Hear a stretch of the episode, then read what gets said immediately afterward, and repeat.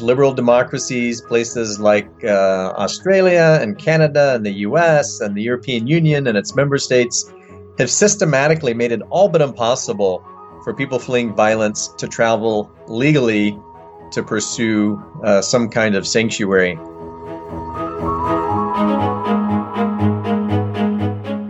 Almost all of the techniques that we read about every day in the newspaper to control asylum seekers trying to reach Europe or uh, the United States or Australia, you can find precedent for during and right before World War II. The human face of the Holocaust is really Anne Frank, and she herself is an example of, of someone whose family was trying to get a legal path to safety, and that legal path was shut down using visa controls.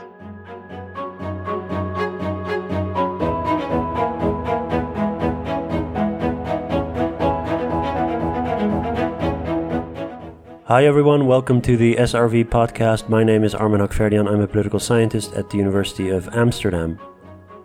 You can follow us on Twitter at StukRoodVlees. You can follow me personally at Hakhverdian, and you can subscribe to this podcast wherever you get your podcasts. And while you're there, rate and review us. I appreciate it. My guest today is David Fitzgerald. He is Theodore E. Gildred Chair in U.S. Mexican Relations, Professor of Sociology, and co director of the Center for Comparative Immigration Studies at the University of California, San Diego. You can follow David on Twitter at FitzgeraldUCSD.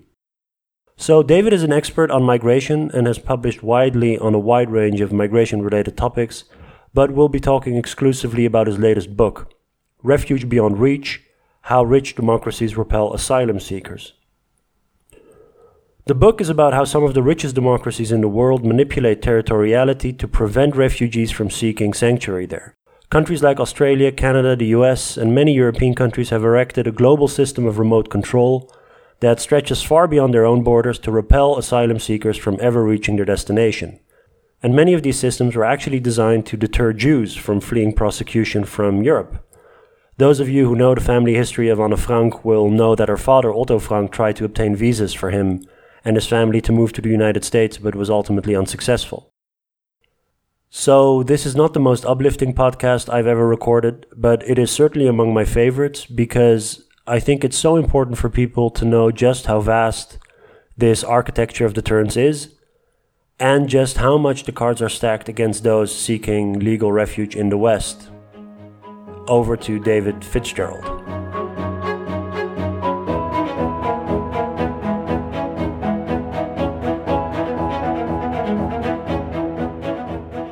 Joining me on Skype, David Fitzgerald. David, thanks so much for joining the podcast.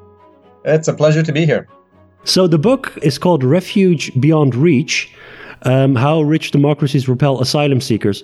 maybe we should clarify right from the start what type of um, migrants the book is about, because there's a big difference between asylum seekers and, uh, and migrants in general.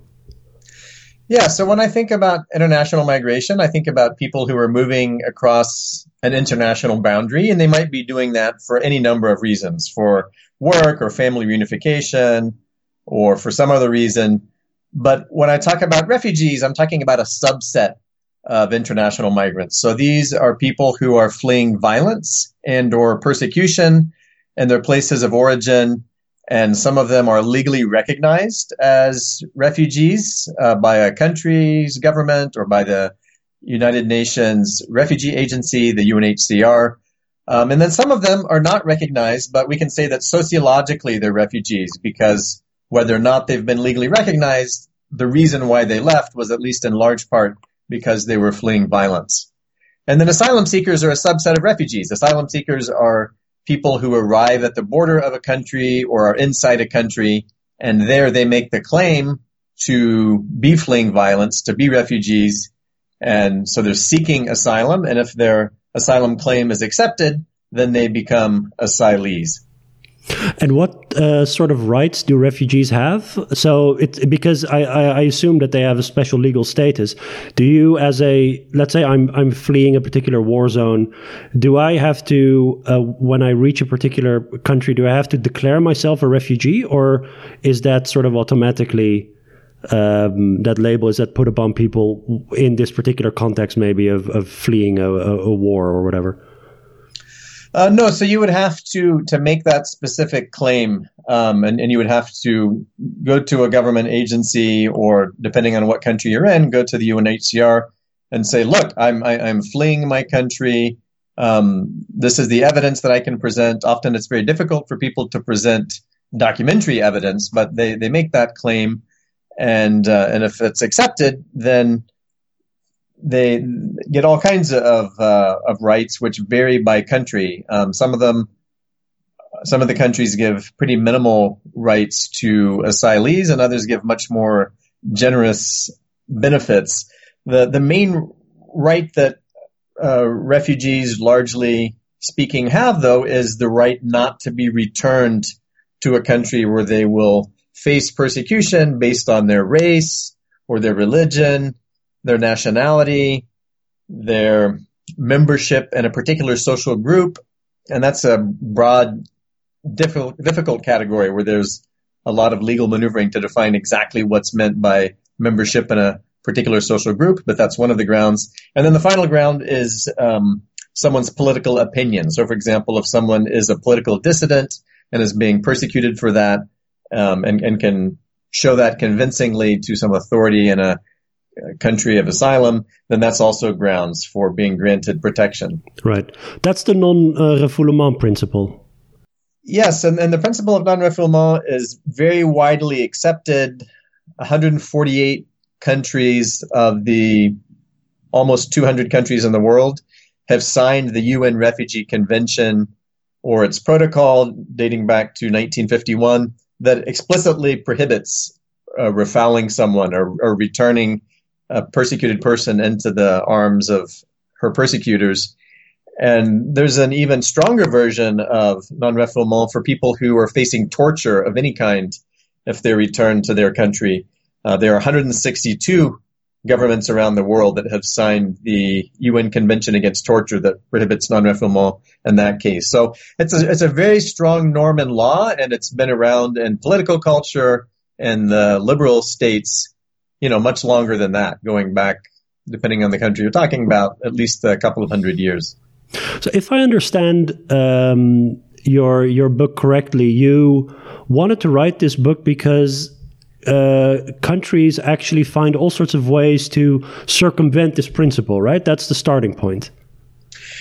Right. So I live in the United States, but I also pay a lot of attention to the way that uh, people talk about refugee issues and asylum issues and migration issues in countries around the world. And again and again and again, I hear this question, which I think is a fair question. Why would someone uh, who was really a refugee show up in my country um, illegally? Why would they have traveled without a visa, for example? Or why would they have crossed the border uh, without papers? Or why would they get in a small boat and try to cross the Mediterranean without papers? Why would someone who's really a refugee risk their life and, and break the law to do that? And I think it's a it's a fair question to ask. And so the book sets out to give an answer to that question. And the answer is that most governments around the world, including the rich liberal democracies, places like uh, Australia and Canada and the US and the European Union and its member states, have systematically made it all but impossible for people fleeing violence to travel legally to pursue uh, some kind of sanctuary. There are resettlement programs. There are now more than 30 refugee resettlement programs around the world. The United States historically has been the biggest refugee resettler, uh, followed by Canada and Australia. I'm sorry, what does that mean to resettle refugees? So, to resettle refugees means that refugees who are outside of their country, but they are usually in a neighboring country. So think, for example, Syrians who are in a refugee camp in Turkey. Hmm. Uh, they they would then be um, a, a, certain number of them would be identified as um, eligible for refugee resettlement, where they would be part of an orderly program. They would be selected. They would go through a security screening, and then they would travel with a visa or some kind of uh, even if they don't have a passport, they would be given a, a laissez-passer travel document, and they would legally travel to the new country where they're going to live permanently. So in this example, somebody would say, be from Syria, flee the civil war, be living in a refugee camp in Turkey, and then be selected by the UNHCR uh, for resettlement in Canada, for example. Right. So that works great for the people who are in those programs, but unfortunately, in any given year, fewer than 1% of the world's refugees are resettled through a program like that. So it's really not an option for the vast majority of the world's refugees. And the other legal paths to safety are really limited. A handful of countries have policies that allow diplomatic asylum. Diplomatic asylum is where someone fleeing violence would go to the embassy or the consulate of a country where they wanted to go and ask for asylum and then potentially be given asylum and, and taken out. That's really only something that we see in a handful of cases that are really, that are extraordinary. Um, and, and, it's something that's only been practiced with dissidents who are really high profile, for example. It's, it's not an option at all in many countries, and it's never an option for kind of your run of the mill person fleeing violence. There are a handful of programs um, historically in various countries that um, allow people to ask for asylum while they're still in their country of origin. Uh, those are really narrow programs. Right now, the only serious program that exists like that is that the United States runs a program in Cuba. Um, but again, for almost all of the world's refugees, that's not an option either. So that really leaves one realistic option, which is to travel to a country like Canada or Italy and and seek asylum there. But as I've said, the the governments have made it almost impossible to travel legally. So what many asylum seekers do is they travel illegally and then ask for asylum once they they get to that destination country. Right. And this idea has been recognized in international law going back to the original Refugee Convention in 1951. And and that convention explicitly says that asylum seekers will not have their case uh, damaged or that this will not be held against them if they have entered illegally. That there's an understanding that often people fleeing violence or persecution will have to travel uh, without papers. So it's almost a right to enter a country, you know, do whatever you can to get out of harm's way and find a safe place to stay, right? There's not a right to enter a country to ask for asylum. There, there is a right not to be returned um, to face persecution. Um, there is there is a right not to have the fact that you entered illegally held against you for purposes of right. okay, yeah, uh, adjudicating asylum status. Right. Okay. Yeah. Once someone is declared a refugee, then there are a number of rights that they get. They're supposed to, in many ways, be treated as if they were a citizen of that country, not in areas like voting, but in terms of basic access to social services, for example, civil rights, um, access to the courts by international treaty that 148 countries have signed, including all of the countries in the the rich countries of the global north, um, then recognized refugees, um, including asylees, would have those civil and uh, social rights. So countries make it all but impossible for asylum seekers to come legally. So that pretty much means that they have all sorts of things in place to repel them, right? I mean, you call that uh, remote control. That's right. Uh, and, and, remote control is uh, an idea that's been around for a while. It's a term that the uh, late political scientist Aristide Zolberg developed, and and the idea is that the governments have developed a number of different kinds of mechanisms in the air, at sea, on the land to to deter asylum seekers from ever reaching their territories to be able to ask for asylum and and gain access to these rights that we've been discussing. Yeah, yeah. So they they evade the uh, asylum regime by. I mean, you you say they manipulate territoriality. I mean, I used to think, well, you have bo- a country has borders, and people come to a country and you know there might be a wall there or a border or customs or whatever but they so states manipulate what territoriality means for you know in this particular context That's right. We often talk about border control and migration control, control of asylum seekers in terms of these really obvious border fortifications. Yeah. So, for example, the famous wall or fences between Mexico and the United States, Yeah. just to give one example. Um, but what governments do is to push out the border control function of their of their borders hundreds, even thousands of kilometers away in a process of extra territorialization or externalization, pushing this control outside of the actual physical uh, border line that demarcates their territory from uh, another state's territory.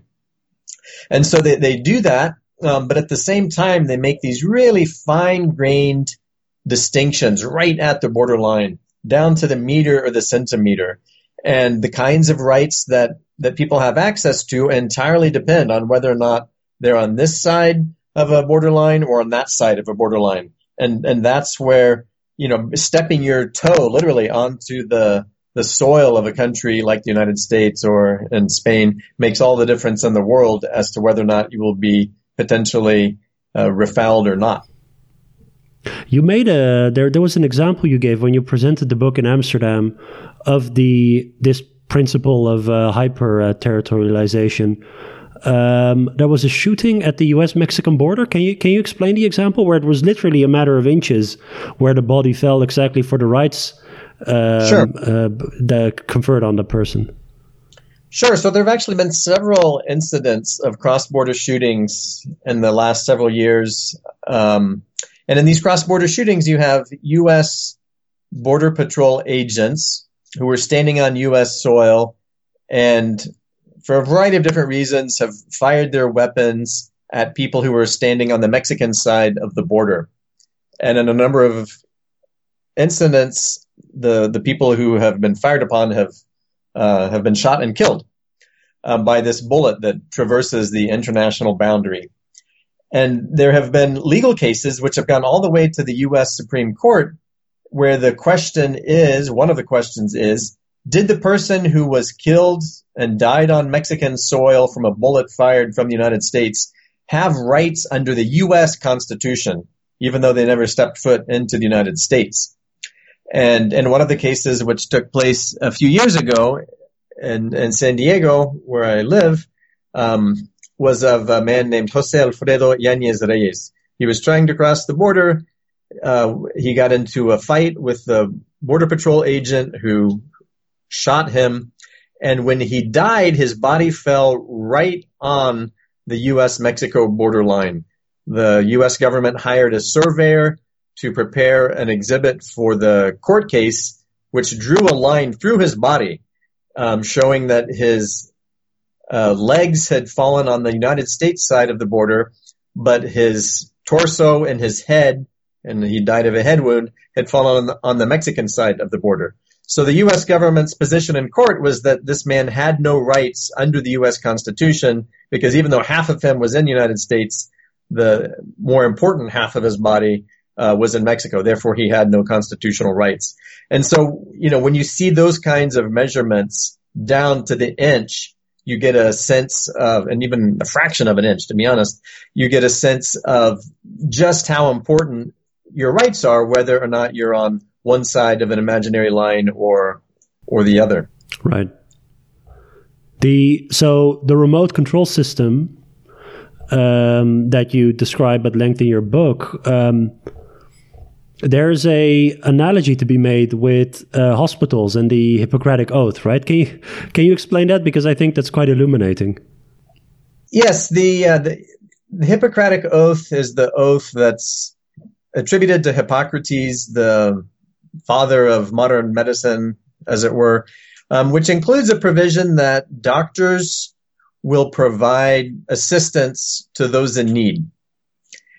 And there's an American sociologist, Alejandro Portes, and his colleagues who developed the idea of a Hippocratic bubble. And they're applying this concept to not, not to migration, but rather to um, the healthcare system, and particularly the healthcare system in the United States, where famously there is not a universal right to healthcare. But it's an idea that actually applies even to, I think, European countries where there is uh, universal health care for citizens or residents, because even in those countries, usually there's an effort to keep out foreigners who don't qualify. But the idea of the Hippocratic bubble is that hospitals do many different things to put barriers around the physical space of the physician. Right. So they might have security guards, but normally you, they have this very soft form of control where there will be clerks who will ask politely to see uh, patients identification document, um, you know, national identity card, depending on the country or in the United States, your your private insurance card.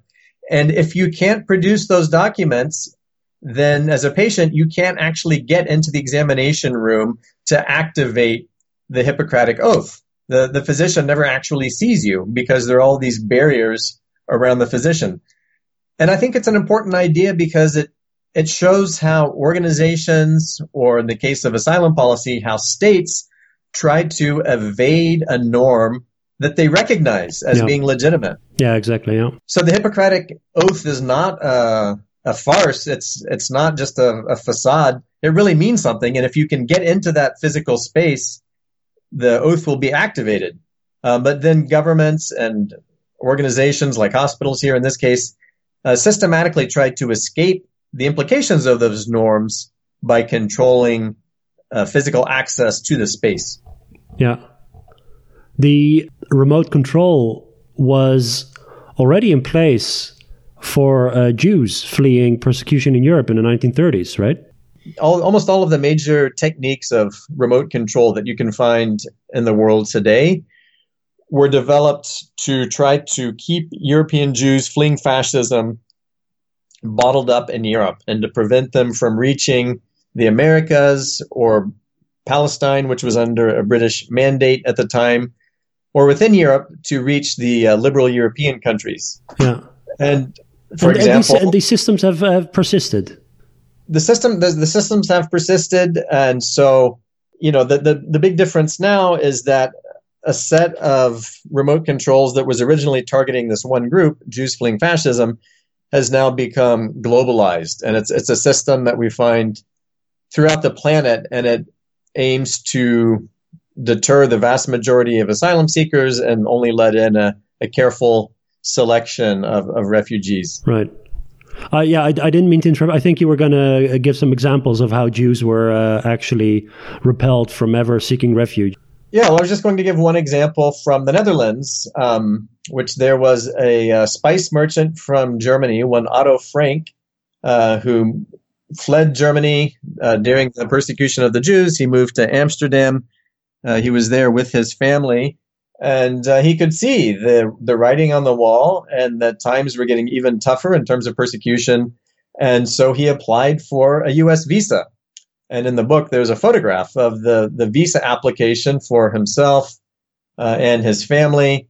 He never did get uh, a U.S. visa, and uh, eventually his daughter uh, Anne Frank and uh, and wife and, and and other family members uh, perished in the Holocaust in the camps. So it's, you know, the kind of the, the human face of the Holocaust is really Anne Frank, and she herself is an example of of someone whose family was trying to get a legal path to safety, and that legal path was shut down using visa controls. Right. Yeah, you you mentioned some other stuff that's in place, you know, including publicity campaigns. Yeah, so the visa restrictions, all sorts of interceptions Sure, and, and a lot of those incidents really have resonance today. So, for example, the British government would publicly blame the nefarious people smugglers who hmm. were smuggling J- Jews out of Europe trying to reach Palestine, and on the BBC warning would be smuggled people not to be taken in and fooled by the smugglers. Um, all kinds of other c- pressures on uh, governments of countries along the route, like Turkey, to uh, to keep people bottled up in those countries and not to, to let them reach Palestine. Um, offshore island detention centers, like the use of Cyprus and Mauritius, to uh, to warehouse people who were intercepted at sea.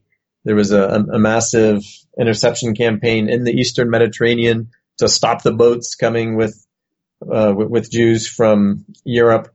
So all, as I said, almost all of the techniques that we read about every day in the newspaper to control asylum seekers trying to reach Europe or uh, the United States or Australia, you can find precedent for during and right before World War II.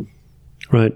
So if we um, switch to the present, a, lo- a, lot of this stuff is still in place. You uh, present a, a, what you call an architecture of repulsion, uh, which using metaphors from um, um, well, many many of them are from medieval uh, medieval castles or warfare, etc.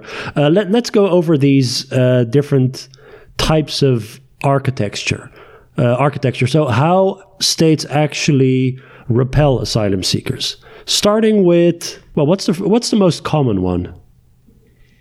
The, the most common one, and the one that we we take for granted the most, and that operates the most silently in the background in many ways is the dome. The dome. Uh, the okay. idea of a dome is the virtual construction of a dome over the entire continent, so over all of Europe or over all of North America, over Australia, and preventing uh, or, or, at least sharply reducing the number of asylum seekers who are able to uh, come as air passengers. And that's based in the first instance on visa policies. Uh, you can't board the aircraft in general if you don't have a passport, and in many cases, if you don't have a visa to enter your country of destination. Yep.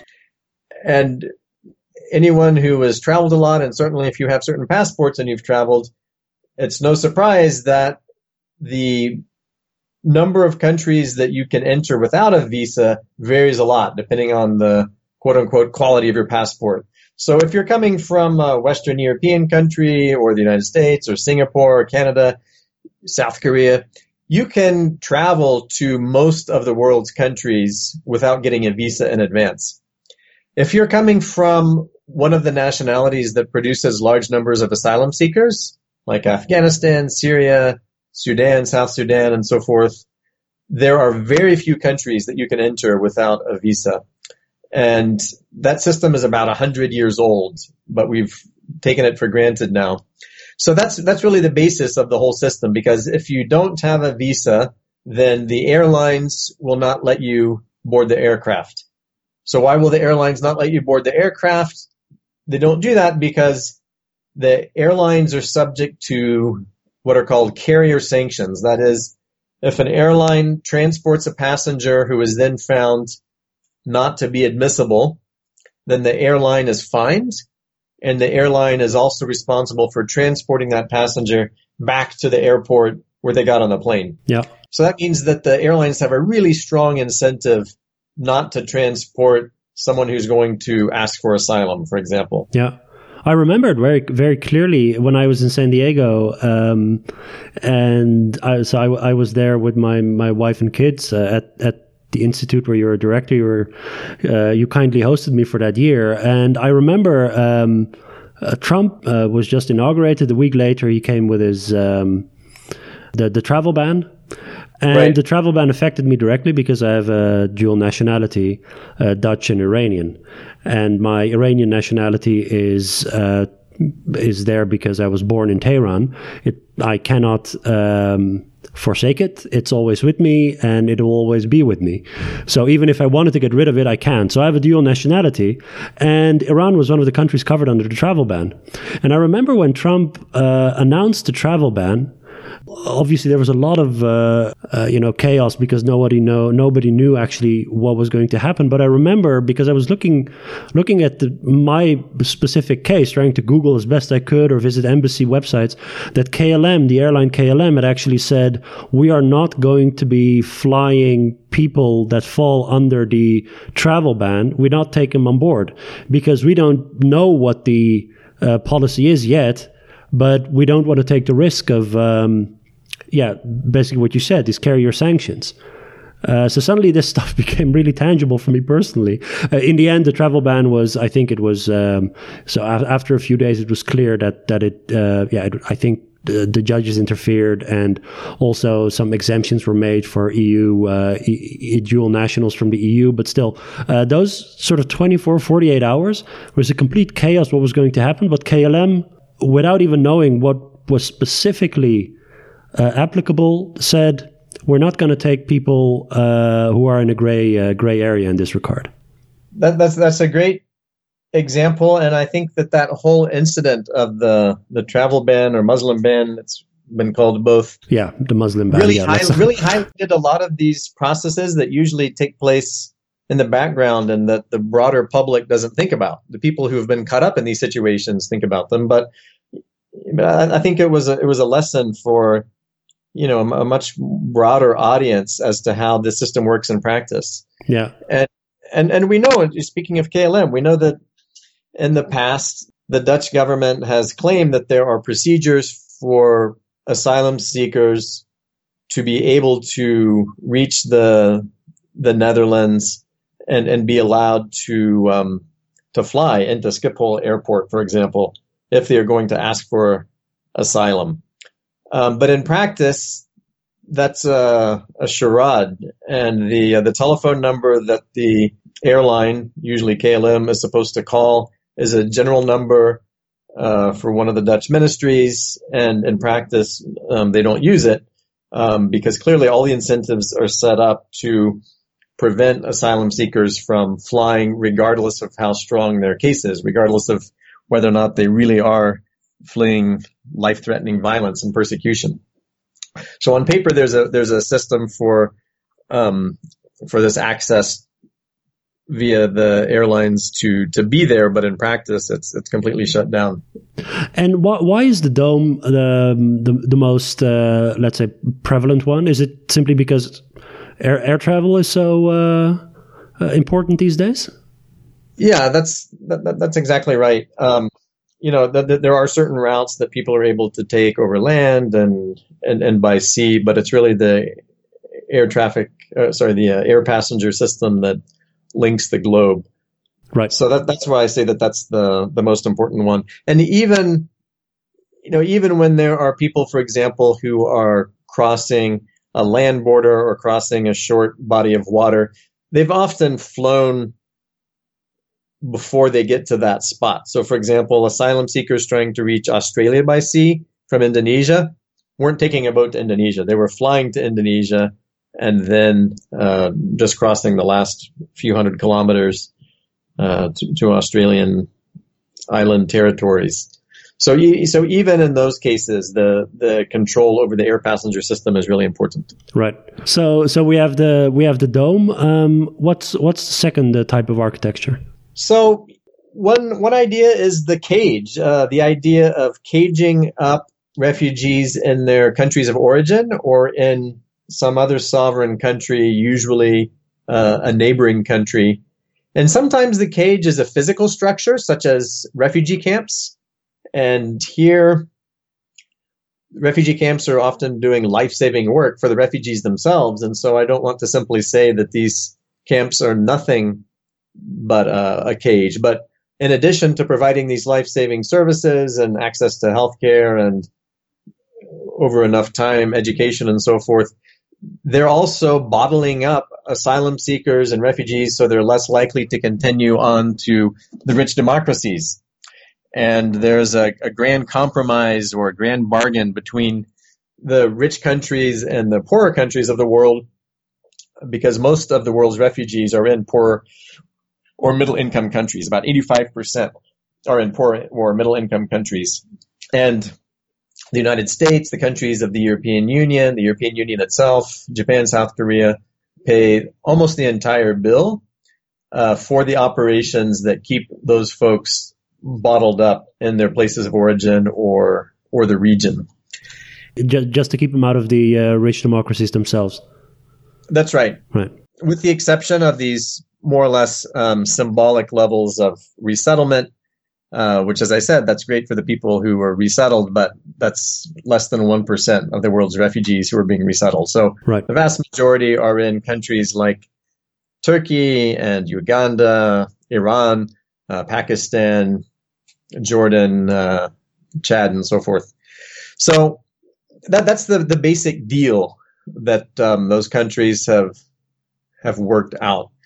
Um, then there are other forms of caging, including the idea of creating safe havens um, which may or may not be safe in a in a place of origin. We can think, for example, of the tragedy of Srebrenica during the war in the former Yugoslavia, where here's another Dutch example: Dutch peacekeepers uh, famously were uh, part of a, a, mission to protect uh, Muslim families in uh, an enclave called Srebrenica in Bosnia and Herzegovina, and that enclave was overrun by Serb forces who massacred all of the men and boys. Probably the worst massacre since World War II on European soil. So sometimes the safe havens turn out not to be so safe. This is not just the historical lesson. This is very much an issue right now with the Turkish uh, invasion or incursion into northern Syria. Is that President Erdogan has talked about creating a strip of land that will be a safe haven for Syrian refugees who will be sent back into that part of the the country. and of course, one major question is how safe will they actually be in that uh, that very rough neighborhood? Uh, some of these uh, camps, refugee camps, are full-fledged cities in their own right. What, I, there was a, an essay that our current mayor of Amsterdam, Femke Halsema, wrote a few years ago when she wasn't mayor yet. It was an essay about, um, it was a utopian essay that actually uh, these camps uh, that are there, Zaatari is one, for example, that you mentioned, um, that what should actually happen is that these uh, cities in and of themselves, they, they should be developed into let's uh, to get a special legal status as refugee cities so that the people because the people who are there obviously the rich democracies uh, don't want to uh, have them into their country otherwise they would but they cannot also go back. But they're they're always in this in this twilight zone this limbo and her point was well let's invest in these cities and in all sorts of ways. And uh, some of it was quite utopian because that was the point of the essay. Um, what do you think of that sort of stuff? They're they're sort of caught between uh, finding actual refuge and persecution in their home countries. Um, yeah, what to do about these sort of yeah, sprawling cities? Some of them. Yeah, it's a it's a tough question, and there's a lot of variation. I mean, we have examples of refugee camps that eventually close down and the refugees go back to their places of origin. You can think about Guatemalan refugees in southern Mexico in that category. And then on the other side of the spectrum, you have the Palestinian refugees who, in many cases, since the ethnic cleansing of Palestine in 1948, have been in camps which have grown into cities in most places and you know, if you just go as a casual observer, you wouldn't be able to tell the difference between where the refugee camp ends and the city around it starts. We see examples in places like uh, Jordan, for example, where, where that's where that's the case. And, and, and, well, I should also say that most refugees are not in camps. Only about 10% of the world's refugees are in camps right now. So most of them are in urban areas in mass um, countries of asylum like Turkey and so forth. But the, the refugees in the camps are highly visible. There are some huge camps around the world, in uh, like the Dadaab camp in Kenya, for example. So, you know, what what to do in those cases? There's a there's a big controversy about this right now. In general, I, I, definitely favor allowing refugees to work and to start businesses. Politically, though, one major concern is always how how will native uh, people, how will the, the local residents respond to large refugee communities? And in some countries, um, many locals have the sense that refugees are actually more privileged. And in some cases, that's actually true, that even though the refugee life is extremely difficult and probably no one listening to this podcast would ever want to uh, be a refugee, or if they have a refugee, they would never want to go back to that status, uh, refugees in some settings do have access to, say, food aid or education and some basic health care and so forth in a way that people in desperately poor countries don't. And then that creates political pressure um, on hosting refugees in those situations. So one of the things that governments have done that I think is more effective is, for example, to try to buy aid that's used for refugees locally rather than flying it in from uh, you know rich countries like uh, European countries is to to buy from local merchants, and that makes it less likely that uh, refugee aid will be seen as a zero sum game that will somehow be at the expense of uh, of the native population. So you know construction materials, for example, if you're building some kind of refugee housing, buy those construction materials locally, hire local laborers, don't bring in everything from outside. That, that's a way to help the local economy and tamp down on those political pressures. And situations of prolonged uh, displacement, which is the case for many millions of refugees, the Palestinians here are a good example. This has been going on for 70 years. You have generations of people who've been who've been refugees. So, yep you know, clearly um, making sure that they have access to education and to all kinds of economic opportunities is, is, is critical because in practice that refugee status is being handed down from generation to generation, even though they're stateless. In, in many cases, it's almost a uh, kind of a jus sanguinis principle of statelessness, where it's handed down from parents to children to, to their children. Yeah, so the um, the dome is for air travel. The cages are basically there for people not to move, you know, to create an alternative for the actual country of or uh, uh, sorry, the destination they want to go to. What other architectures are are there? The water seems to be a a big one. There is. So the the book is talking about uh, Australia, Europe, Canada, and the U.S. And in all of those cases, governments have been very active, well, except Canada. They've been very active in maritime interceptions of, of sending their navies or other coast guards, other kinds of paramilitary forces, customs, and so on, out of their territorial waters into the international waters of the high seas to, to try to um, intercept people arriving without a visa and and then turn them back or take them to some place where they have fewer rights. Yeah, so this is the moat. This is the idea of a moat. Yes. Uh, in Dutch, a moat is a slotgracht. By the way, if you don't know the word, I had to look it up. A moat is a slotgracht around, usually around the castle. I mean, a lot of this stuff is medieval architecture, but there you go. That's called a moat. That's right. A classic, uh, classic strategy of uh, medieval architecture is to to put this water-filled moat. And so, in this case, we're not talking about governments digging new moats with water. Rather, they're using the natural uh, waterways of the world as a as, as as a place to intercept people. And so the U.S. is really the first of these cases since World War II to do this in an aggressive way. Uh, beginning in the Caribbean, where the U.S. Coast Guard has intercepted more than a quarter of a million people trying to reach the U.S. since this program was started during the uh, early years of the Reagan presidency. But it's also something that you see in Australia with its so-called Pacific solution of intercepting asylum seekers passing through Indonesia, trying to reach Australia.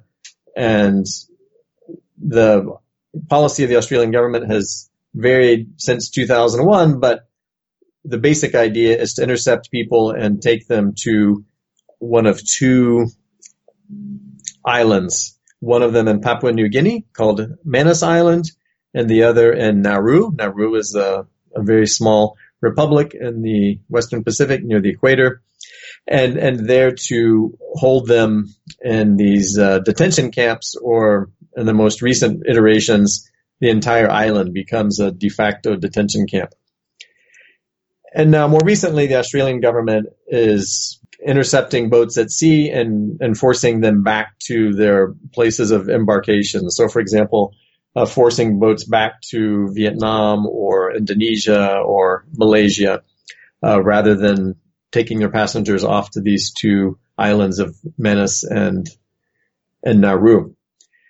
Um, in, in Europe, there has been some very aggressive uh, policing of the of the moat, beginning with Frontex operations off the coast of West Africa.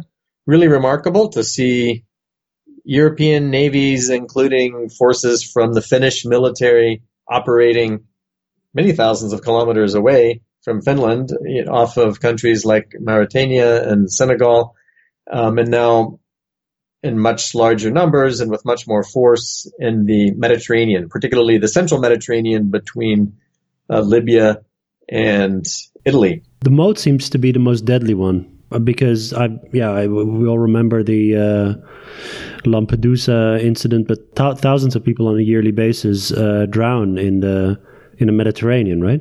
Right. The um, you know the the number of deaths in the Mediterranean has varied, but certainly collectively over the last uh, couple of decades, we're talking about many many thousands of of deaths um, in the Mediterranean. There are also thousands of deaths that we've seen in uh, well various other parts of the of the world. Um, so this kind of remote control is exceptionally deadly uh, because smugglers are trying to cross this body of water in very flimsy boats. Yeah. Often they're just rubber dinghies. They're heavily overloaded, and they they easily capsize.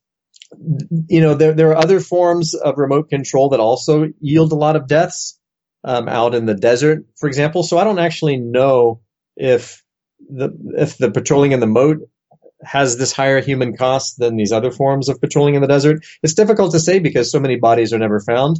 But what we can say with great certainty is that these policies are directly leading to death on a huge scale. So how how how far away from their own country would these patrols go if you're so uh, far into international waters? Does ha- does that have particular legal status as well that it's in international waters as opposed to territorial waters? Yes, the um, the the basic logic of trying to intercept people when they're in international waters, uh, which you know, international the the way that waters are divided up is that first you have the territorial waters of a country, which are uh, six nautical miles from the beach, and then you have a okay, that's not that far. Yeah, then you have a well, yeah, then you have another zone that's um, another six miles out but once you get 12 miles out, you're in international waters. And and so that's not that far away from the coast. And what all of these governments have argued is that if they're intercepting people in international waters, then they don't have obligations under the treaties that they've signed, like the Refugee Convention, not to turn uh, refugees back to their places ah, of okay. origin. Right. Uh, it's it's so strategic all this stuff. So they, they basically want to uh, the the, fur, the yeah. So if they're in international waters and you intercept the boat, you can send them back to where where people came from. Yes, that's that's the argument that they have that they have made in the past, and in the United States, that is actually um, a practice that's been upheld by the U.S. Supreme Court. So in the United States, there was a, a famous or perhaps notorious court case in 1993 called the Sale case around the treatment of Haitians who were intercepted in international waters, and the U.S. government said that they could be returned to their persecutors, um, and that because this interception took place in international waters, that the U.S. government was not bound by the provisions of non-refoulement that are in the Refugee Convention and have been incorporated in U.S. law since 1980.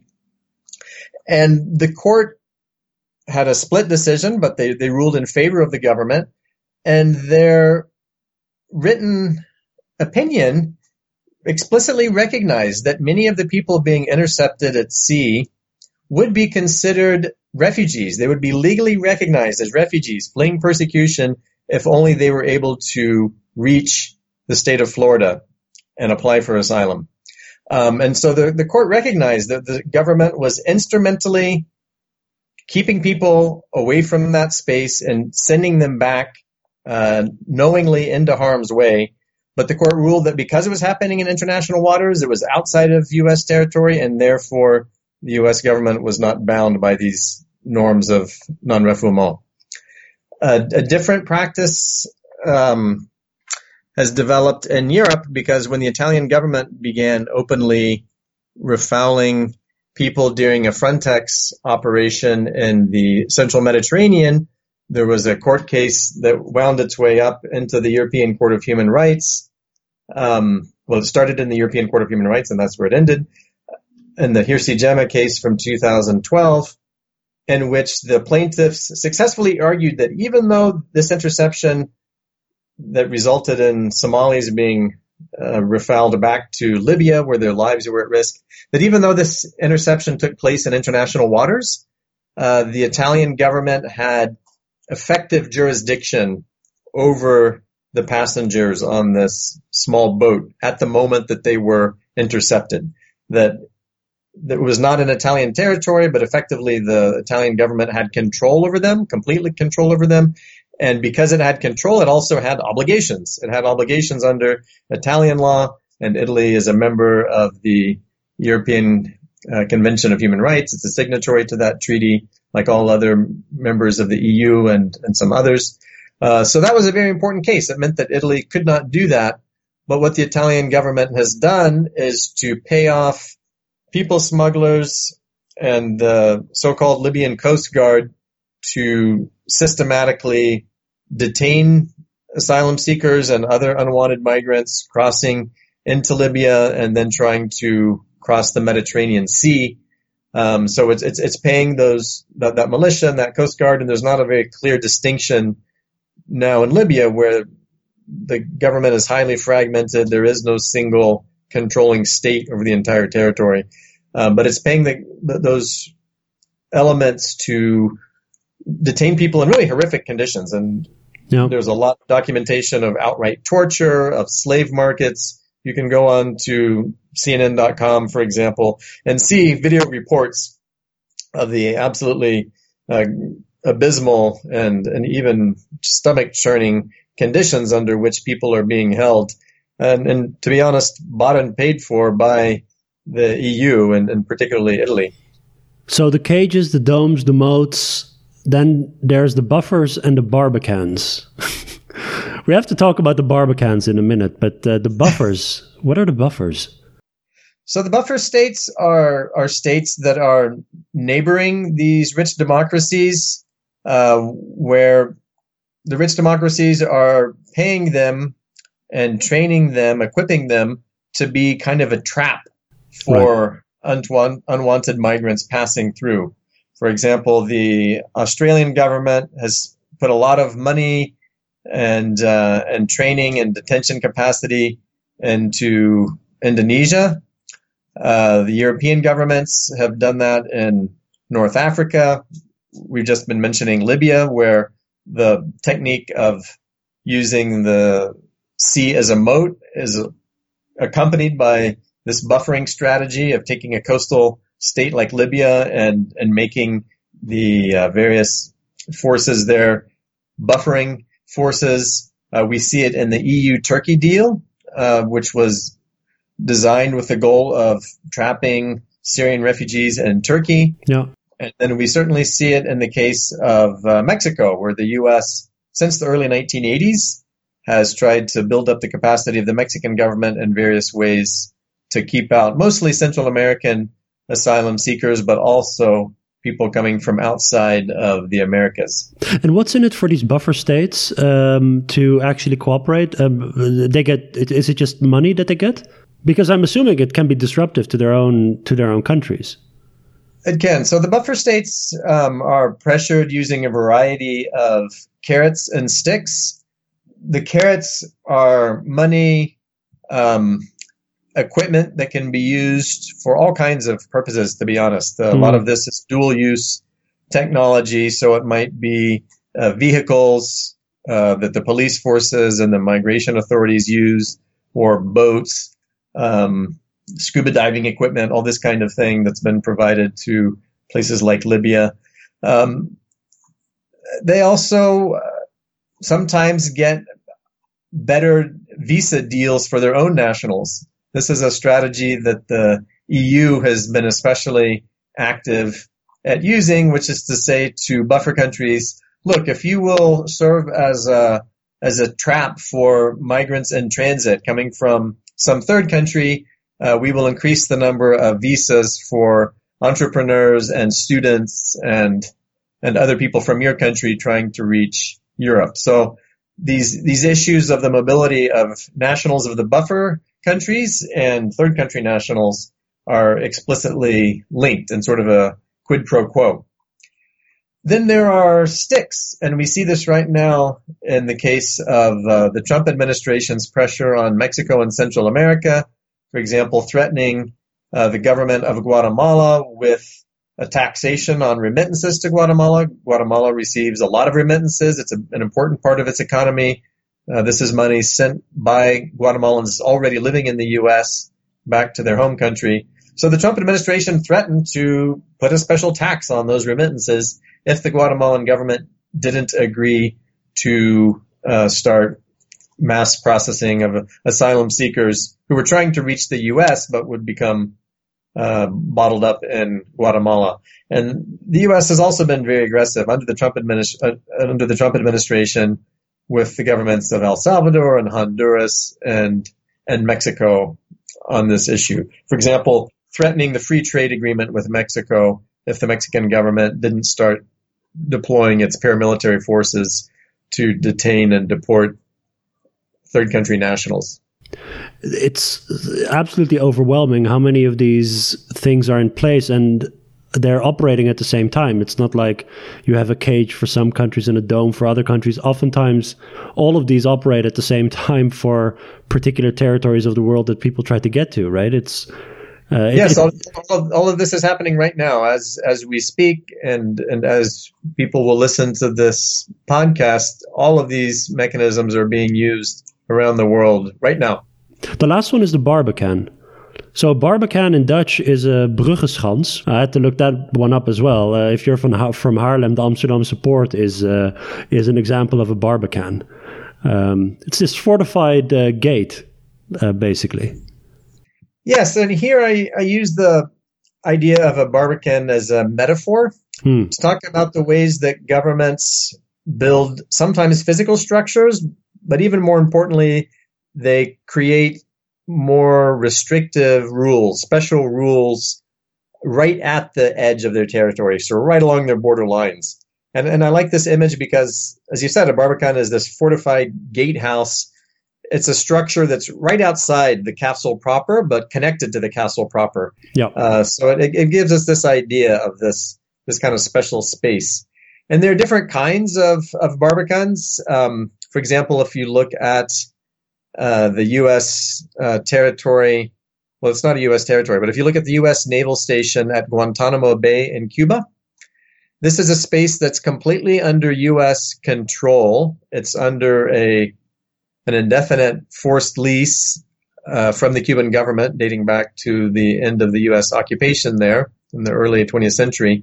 Uh, so it's a it's a territory that's controlled by the U.S., but where there are restrictive rules that apply that um, prevent asylum seekers, from example, for from having access to their lawyers or translators or appeals processes the way they would if they were presenting claims just a little bit to the north in Florida, in, inside the United States proper.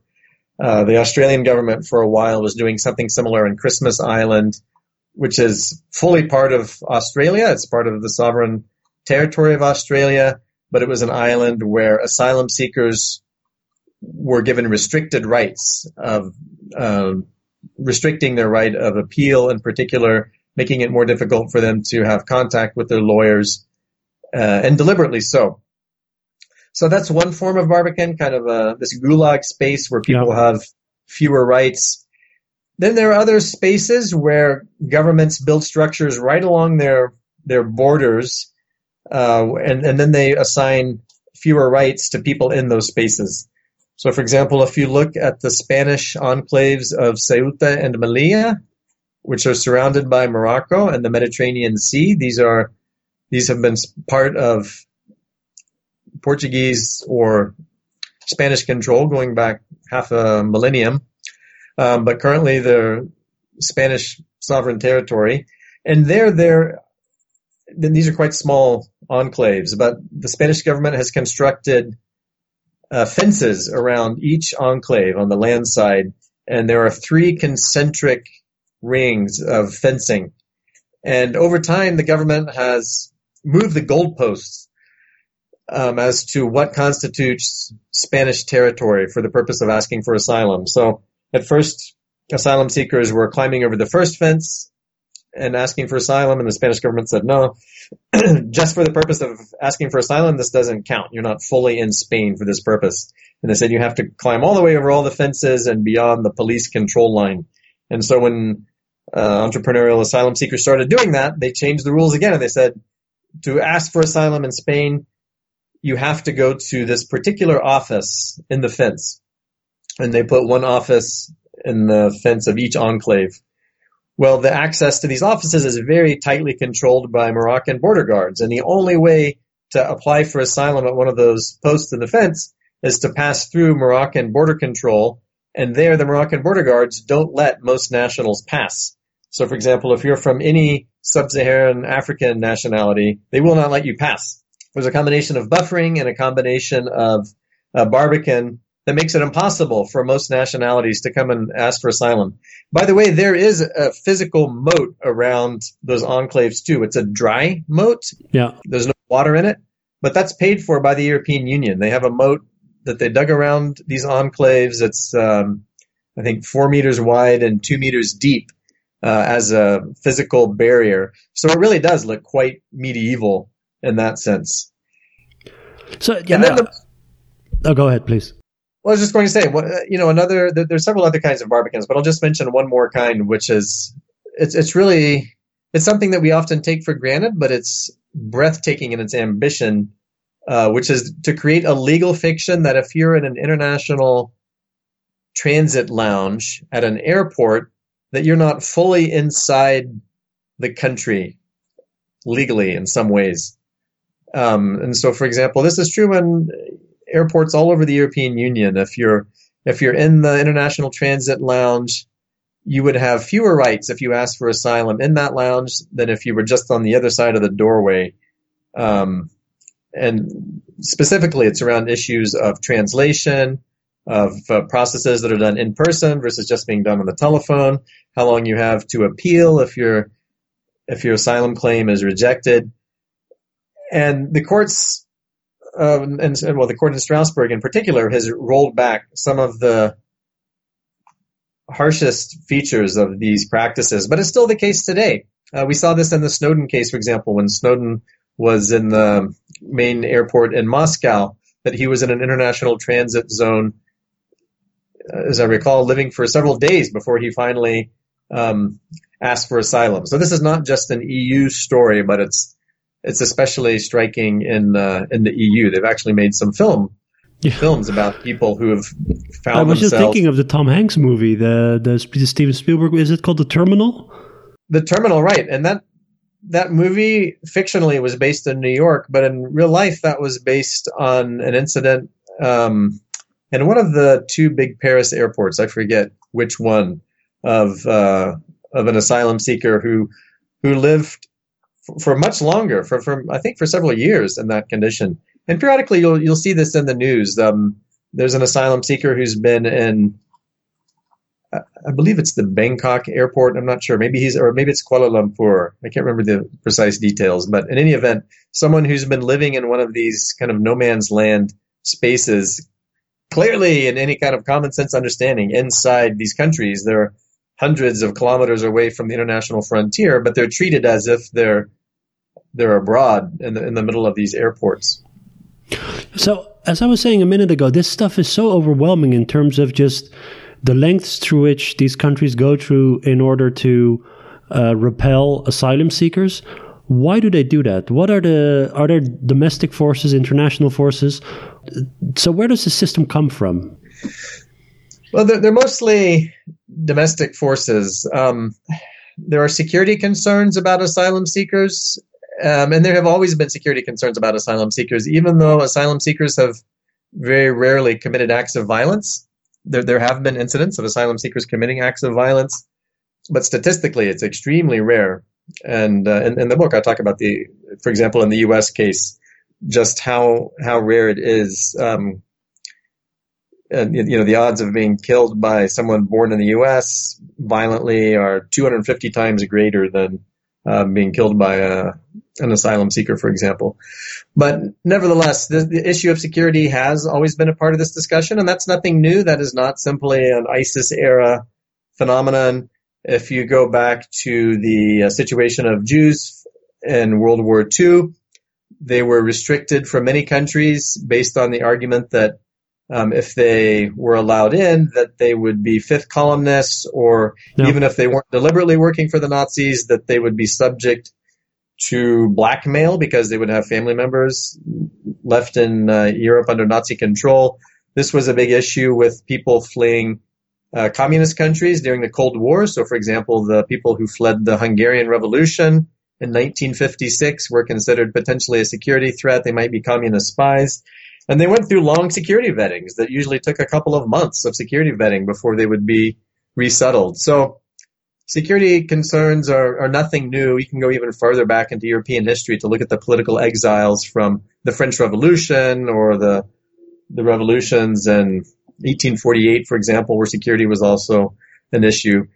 In any event, it's, it's always been an issue. It's still an issue, and there are also procedures in place that have been developed a long time ago to deal with those security issues. The other is that in the short term, at least, asylum usually involves short term economic costs. Over the long haul, it can be a boost to a country's economy to, to allow in refugees. Um, but in the short term, there are often resettlement costs, and uh, publics typically don't want to pay those costs. And then there are other kind of generic fears about international migrants that are also part of the discussion. So fears of cultural change, for example, um, including religious change or a change in the uh, ethno-racial composition of the society. This is something else that affects asylum seekers. So many governments that lean right have been the leaders in putting restrictive policies in place, but the truth is that a lot of center left governments have done the same thing because they've tried to take this wedge issue away from the right. And what you see across these cases is that regardless of the partisan flavor of the government that put these policies into place originally, they tend to be sustained regardless of the party in power. So there's a, a real strong process of path dependency here across the globe where in a given country, remote controls are imposed as a reaction to some perceived crisis, like, and, and often these are real crises, say World War One and the imposition of passport control in World War One and visa controls in World War One. Uh, but even after that crisis period fades, the institution is still there. There's a process of, of path dependency. And over time, there's been a convergence of techniques so that despite the huge differences between these different European countries and Australia and Canada and so forth, they've converged on a very similar set of policies of remote control, which are spread through policy diffusion as countries uh, look at what each other are doing and they they adopt those policies based on what they've learned through expert networks or through um, you know, international police cooperation, various sets of mechanisms, formal and informal, uh, where they they keep an eye on what other countries are doing and then try to model that themselves. Yeah. So this entire architecture that you've described, it creates a, a filter of sorts. So, I mean, I'm assuming that that you know the the population of of potential asylum seekers who sets out on a journey uh, compared to the ones who actually arrive in the destination that they were intended, that it's not just a random subset of the people who set out that end up in the country of destination, right? I mean, is it a particular type of asylum seeker that finds a way to navigate through this maze? Because some obviously do, you know, find ways of either crossing the moat or, you know, circumventing the buffer or, or, or any of this stuff. Most most asylum seekers are are positively selected, meaning that they have they they're they're more likely than their peers to have say money or a better social networks that are people that they already know in a country of destination or transit countries along the way. Um, they have they tend to have you know high, slightly higher levels of education. For example, they're just better able to navigate all of these obstacles. And the farther the distances that they're traveling, and particularly if they have to get around the controls in the air passenger system. So, for example, flying from um, Eurasia or Africa to the, the Western Hemisphere, then you see a lot of positive uh, selection. So it, it's not the most desperate of the desperate.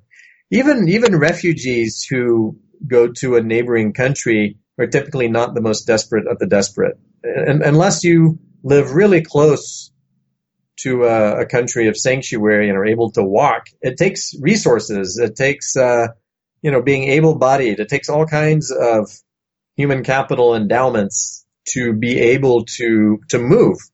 So sometimes it's you know we, we think about refugees, for example, as being disadvantaged, and certainly they are disadvantaged compared to um, you know you or me. But th- th- these are folks who were able to move, and the, the, farther the distance, the more it's likely that they had some kind of of, of special um, abilities or or networks. Yeah. David, thank you so much for for explaining all this.